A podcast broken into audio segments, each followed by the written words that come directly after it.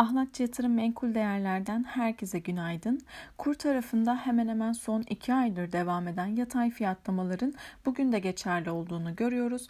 Dolar TL 13.58, Euro TL ise 15.38 seviyelerinden fiyatlanıyor. Küresel piyasalarda ana gündem maddesi Rusya-Ukrayna gerginliği olmaya devam ediyor.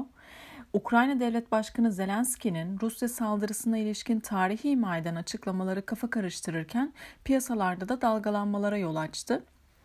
Zelenski konuşmasında Rusya'nın saldırı tarihi olarak telaffuz edilen 16 Şubat'ı Ulusal Birlik Günü ilan etti. Zelenski'nin bu ilanı başlangıçta saldırı tarihinin teyit edilmesi olarak algılansa da danışmanı Podolyak yayımladığı yazılı açıklamada Zelenski'nin açıklamalarının ironi olarak algılanması gerektiğini belirtti. Tüm bu gelişmelere rağmen Asya borsalarında karışık bir görünümün hakim olduğunu söylüyoruz. Piyasalar genel anlamda yön bulma çabasında taraflardan gelecek mesajlar piyasa fiyatlamaları açısından yakından takip edilecek. Tüm bu gelişmeler olurken ons altın güvenli liman talebiyle son 8 ayın en yüksek seviyelerine çıktı. Her ne kadar ABD 10 yıllıkları %2 civarına kadar yükselse de piyasa olası bir e, çatışma ihtimalini fiyatlıyor diyebiliriz.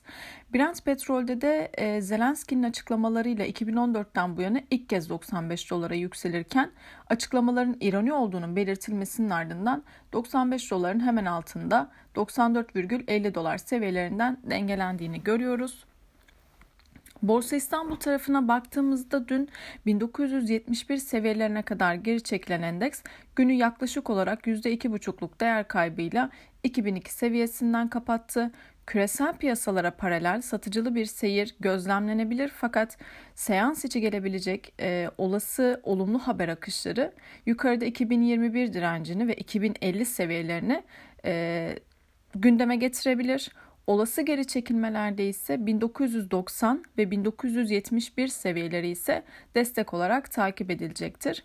Bugün içeride saat 11'de Ocak ayı bütçe dengesi verisini takip edeceğiz. Yurt dışında ise Almanya ZEV ekonomik beklentiler, Euro bölgesi büyüme ve ABD üfe rakamları takip edilecek. Herkese bol kazançlı güzel bir gün dilerim.